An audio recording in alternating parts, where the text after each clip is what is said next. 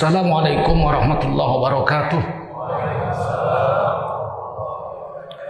حمدا وشكرا لله وصلاة وسلاما على رسول الله وعلى آله وصحبه ومواله اللهم صل وسلم على هذا النبي الكريم سيدنا ومولانا محمد وعلى آله وصحبه أجمعين أما بعد قال الله تعالى في كتابه العزيز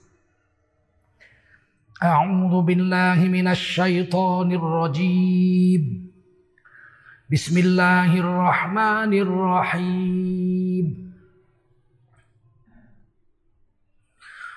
قل إنني هداني ربي إلى صراط مستقيم. دينا قيما ملة إبراهيم حنيفا وما كان من المشركين. قل إن صلاتي ونسكي ومحياي ومماتي لله رب العالمين. لا شريك له. لا شريك له وبذلك أمرت وأنا أول المسلمين قال رسول الله صلى الله عليه وسلم من خرج في طلب العلم فهو في سبيل الله حتى يرجع Baginda Rasul bersabda, siapa keluar untuk mendapatkan ilmu, orang itu adalah orang yang berjihad fi sabilillah sampai dia kembali ke tempatnya. Mudah-mudahan kita semua mendapatkan pahala jihad dari Allah Subhanahu wa taala. Amin. Sadaqallahul azim wa sadaqa rasuluhun nabiyul karim wa nahnu ala dzalika minasyahidin wasyakirin walhamdulillahi rabbil alamin. Para ulama, tuan-tuan guru yang muliakan Allah SWT. Khususnya imam kita tadi, tengku kita yang telah membacakan Quran surah Al-Jumu'ah dengan surah Al-Munafikun. Terasa nikmat indah. Karena itu makanan jiwa orang beriman. Makanan ruh bagi orang beriman itu. Dari langit datangnya. Kalau ruh kita dibuat senang dengan makanan-makanan dunia. Enggak cocok. Nolak dia. Sebab manusia ini terdiri dari dua unsur. Satu unsur sufli. Unsur yang datang dari bumi. Minha khalaqnakum. Dari bumi itu kamu, kami ciptakan kata Allah. Sedangkan satu lagi unsur uluwi dari langit. Yaitu roh kita. Ketika Allah menciptakan kita manusia di rahim ibu. Empat bulan tak ada rohnya itu. Tapi berkembang karena Allah yang menyempurnakannya. Yakhruju min bainis sulbi wat Terpancar dari bibit bapak kita dan jumpa dengan bibit ibu kita. Padahal bibit bapak kita itu sekali keluar itu 1,5 juta bibit itu. Walaupun cuma sesendok teh itu, tapi itu 1,5 juta. Kromosom XX dan kromosom XY. Bentuknya macam cebong. Fala gitu ekor. Nah, kalau udah cerita cebong nih politik. Kepalanya bulat gitu ada ekornya. Kalau ekornya pendek, kalau ekornya pendek berarti dia akan jadi anak perempuan. Kromosom XX namanya. Kalau ekornya panjang kromosom XY. Kalau jumpa nanti jadi anak laki-laki. Dia harus menyeberangi rahim ibu. Itu liang rahim itu sejengkal kurang lebih. Itu asamnya bukan main. Sangat asam sekali. Sehingga kalau misalnya bibit bapak kita tuh terpancar, dia berlomba-lomba menuju rahim, itu mati di jalan semua itu. Karena terlalu asam. Yang lolos paling 30, 50 aja yang lolos. Sampai dia menuju dinding rahim itu berlomba-lomba gitu. Kayak cebong lah. Berenang-berenang gitu. Mau masuk ke dalam gak bisa masuk. Tertutup. Itu membukanya itu seperseribu sekian detik. Sedikit sekali. Dan yang lolos hanya satu. Kalau lolos dua anaknya kembar dua. Kalau lolos tiga anaknya kembar tiga. Paling banyak di dunia kembar enam. Coba lolos lima puluh. Kalah anak kucing. Banyak dia. Maha kuasa Allah. Itu masuk ya. Setelah dia masuk ke dalam rahim ibu itu ketemu dengan bibit ibu kita. Bertemu, bertemu dia, bergabung dia menjadi alakoh. Sesuatu yang lengket mirip lintah. Fi makin, lengket di dinding rahim yang sangat kokoh. Dari situlah manusia diciptakan. Khalaqal insana min alaq. Allah ciptakan manusia dari alaqah.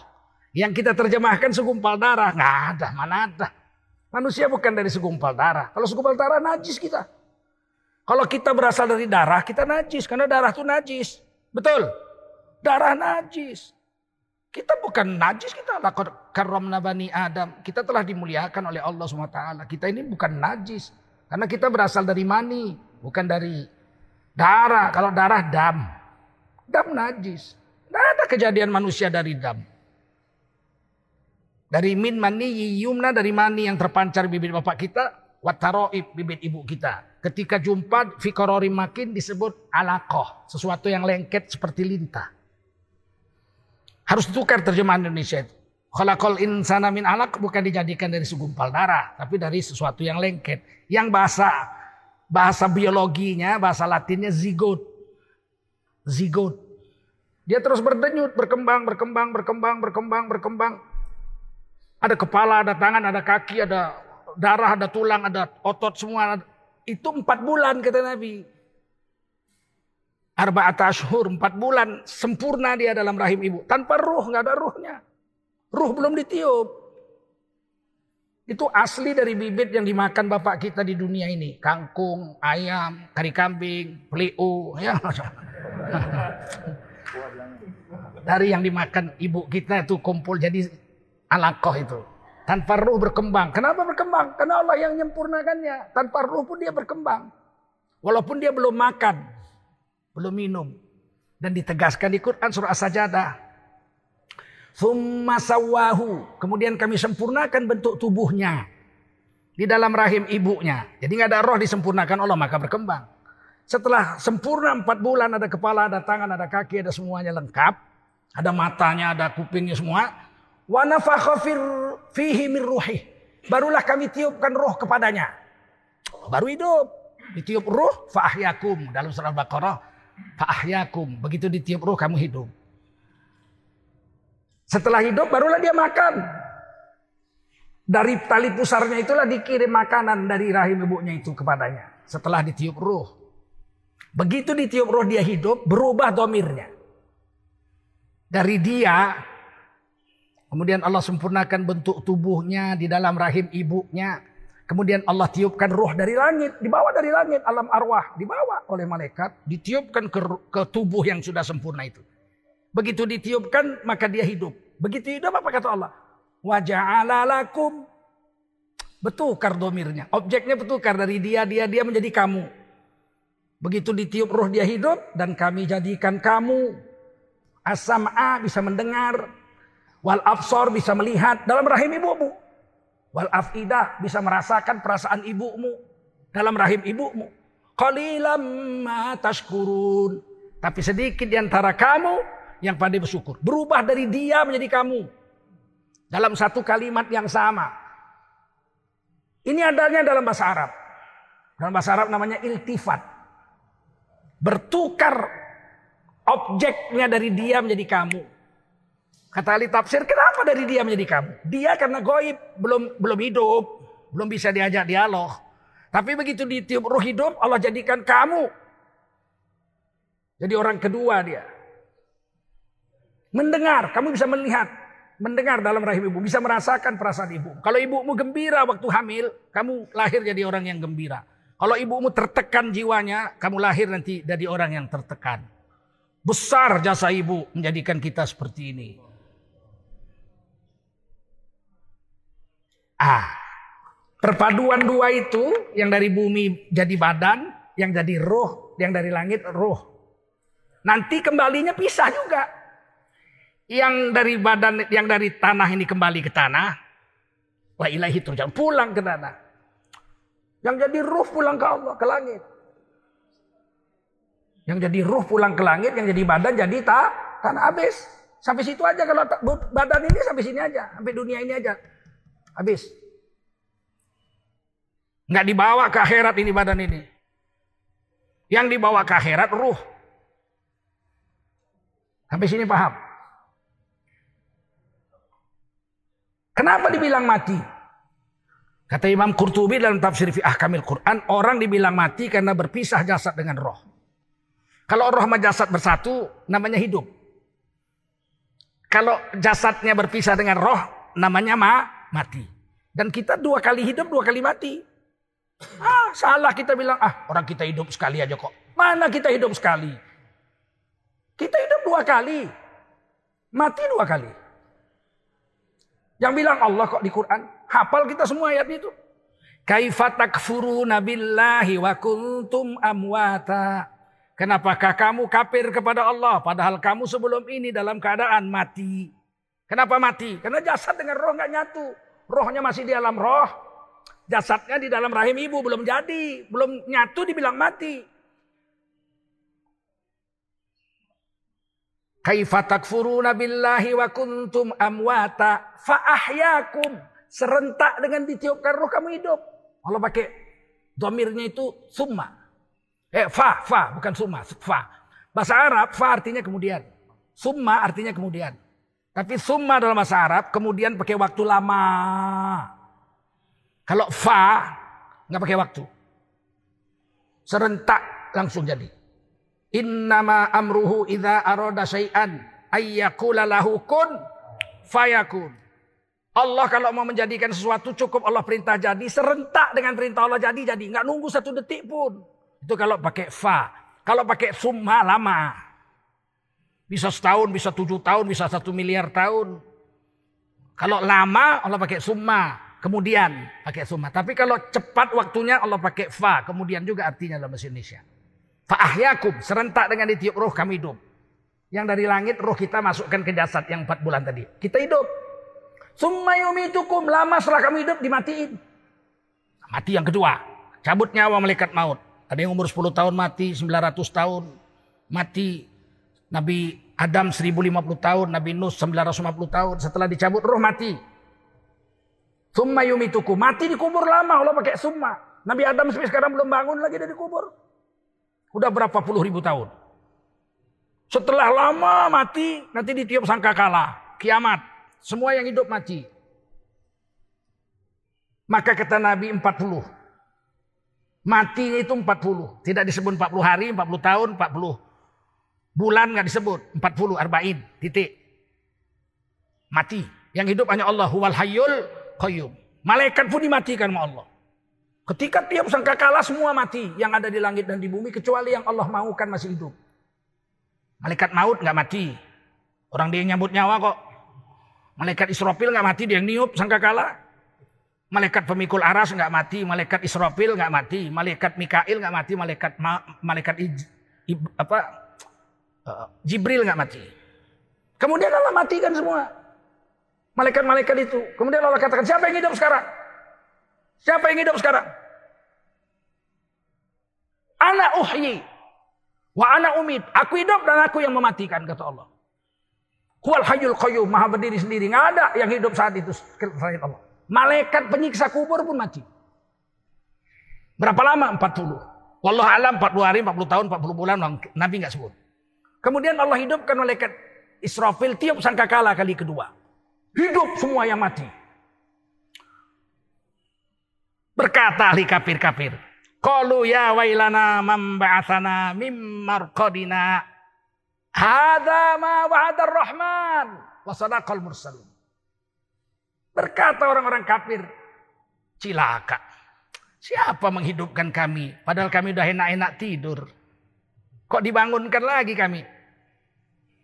Kenapa kami dibangunkan padahal kami sudah enak-enak tidur? Cilaka betul. Siapa yang membangunkan kami dari tidur?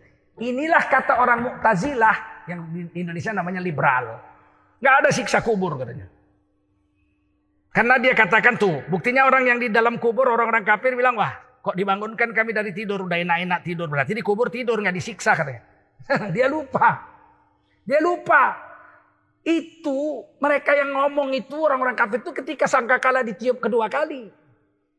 Memanglah dia sempat 40 hari atau bulan atau tahun nggak disiksa karena yang nyiksa mati. Kan mati yang nyiksa malaikat mungkar nakir mati. Paham? Di situ ada tanda sakta. Kata ahli Quran, ahli kiroat, sakta itu memberhentikan bacaan dua harkat. Tanpa memberhentikan napas. Kalau napasnya putus namanya wakaf. Kalau sakta bacaannya aja yang putus, napasnya nggak boleh putus. Itu menurut ahli kiroat. Ada empat sakta dalam kiroat Imam Hafaz yang kita punya. Pertama surah Kahfi, Iwajan Qayyima. Yang kedua surah Yasin. Ini yang saya baca tadi. Qalu ya wailana mamba'athana mim marqadina. Hadha ma wa'adar rahman. Yang ketiga surah Al-Qiyamah. Man. Rok. Yang keempat surah Al-Mutaffifin. Kallabal. Rona ala kulubihim. Maka cibun. Itu kata ahli kiraat. Kata ahli tafsir. Sakta itu memberhentikan bacaan sejenak. Untuk mempersiapkan hati kita jangan terkejut. Dan jangan lihat yang ke kiri dulu. Berhenti dulu. Kalu berkata mereka, ya wailana. Aduh cilaka. Andai katalah kami tetap tidur kan aman ya. Mimar kodina hada. Qalu ya wailana mamba'asana. Siapa yang membangkitkan kita dari tidur ini? Mimmar qadina padahal kita sudah sudah enak-enak tidur kok dibangunkan kita silaka betul. Berhenti dulu situ. Udah tenang jiwa baru lihat ke sampingnya. Hadza ma rahman. Inilah apa yang telah dijanjikan Tuhanmu yang Maha Pemurah. Hari pembalasan. Wasadaqal mursalun. Telah benarlah rasul-rasul menjanjikan ada hari penimbangan amal dan balasan. Surga bagi orang yang bertakwa. Neraka bagi orang yang durhaka. Kekal dalam neraka selama-lamanya bagi orang-orang yang kafir. Ini mengejutkan ayat ini. Ah, mati. Lama, kemudian ditiup roh hidup lagi, ya kan? Kenapa hidup lagi? Karena di padang mahsyar roh kita disatukan lagi sama jasad, tapi bukan jasad yang ini, ini udah jadi tanah. Dikasih jasad yang baru. Dibikinkan jasad yang baru tapi rohnya tetap yang itu. Itu roh yang dalam rahim, roh yang di dunia ini, roh yang kita pakai di kubur, roh yang kita pakai di mahsyar, roh yang kita pakai di surga, rohnya itu juga. Tapi badannya tukar. Di padang mahsyar kita diberi tubuh yang baru besar-besar. Dan tubuh yang baru itu tergantung amal kita di dunia soleh apa enggak. Kalau amal kita soleh, tubuh kita cantik bercahaya. Oh bercahaya pak. Orang yang menjaga wudhu, menjaga sholat lima waktu. Nuruhum yas'a baina aidihim wa bi'aimanihim. Tubuhnya bercahaya, atas bawah muka belakangnya bercahaya. Lebih terang dari matahari. Ini min asaril wudhu wa min asari sujud munawarah yaumal qiyamah. Bekas wudhu, bekas sujud bercahaya di hari kiamat. Yang bilang Rasul, Quran yang bilang. Surat Tahrim. Rabbana atmim lana nurona. Ya Allah sempurnakanlah cahaya kami ini. Jangan hilang-hilang sampai hari kiamat. Sampai selama-lama-lama-lamanya. Bercahaya mereka. Tubuh yang bagus. Ada yang mulutnya harum. Orang yang unggul puasanya di dunia. Di akhirat, di padang mahsyar, mulutnya harum. Nah, itu hadis tulis dalam kitab Ihya. La khulufu famis so'im. Atiyabu indallahi min rahil misik. Sungguh Sesungguhnya kata Rasulullah. Bau mulut orang yang puasa di dunia. Bau apa enggak? Orang puasa mulutnya bau enggak? Atyabu indallah. Nanti di hari kiamat lebih harum. Min rihil misik. Daripada harumnya minyak kesturi. Berarti fisiknya baru. Bukan badan yang ini. Yang ini bau mulut kita. Apalagi habis merokok. Waduh. Jangan merokok, berhenti merokok.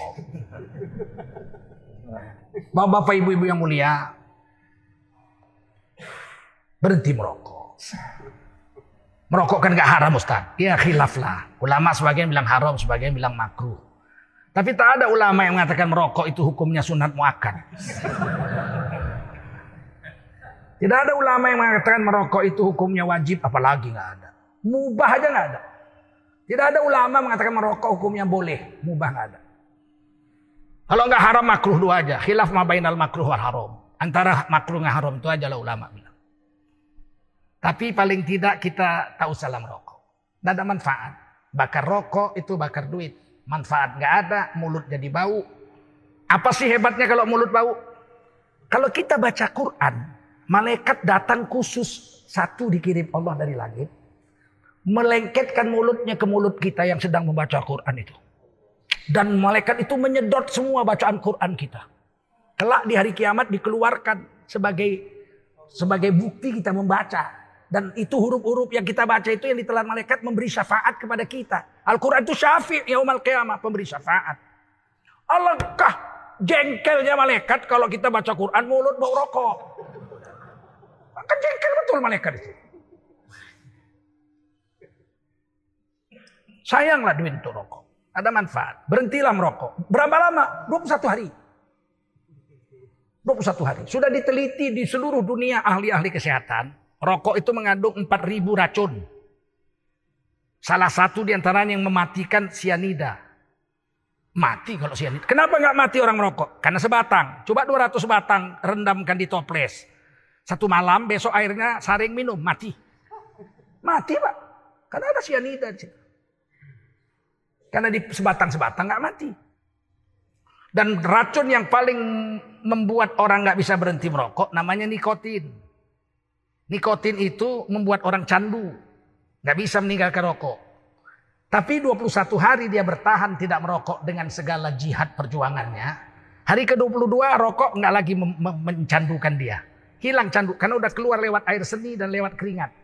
Sehingga 22 hari berhenti merokok, hari ke-22 sudah tidak candu lagi dengan rokok. Berjuta-juta orang sudah mencobanya. Kalau saya memang nggak mau merokok saya. Dari kecil saya nggak mau merokok. Walaupun saya udah kerja bapak saya saya belikan rokok. Satu selop, satu selop saya belikan bapak saya rokok. Saking sayangnya saya sama bapak saya. Rokoknya merek Amerika Gold Bond. Gold Bond. Satu selop, satu selop saya kasih bapak saya. Satu hari ditawar merokoklah kau. Ah, enggak. Kenapa? Enggak bagus merokok. Merah mukanya. Apa kau bilang? Enggak bagus merokok. Dari mana kau tahu enggak bagus? Saya bilang bau. Nah, kalau bau kenapa? Kalau bau pasti enggak bagus. Ditengok bapak saya muka saya. Kenapa kau bilang begitu? Allah menciptakan semua yang bagus pasti harum. Nangka harum, cempedak harum, sawu harum, tomat harum. Semua makanan-makanan yang bermanfaat dibuat Allah harum. Kalau cempedak sudah busuk, baunya pasti nggak bagus lagi. Jangan makan. Istri kita harum. Kalau udah bau dia bawa ke dokter, mesti sakit.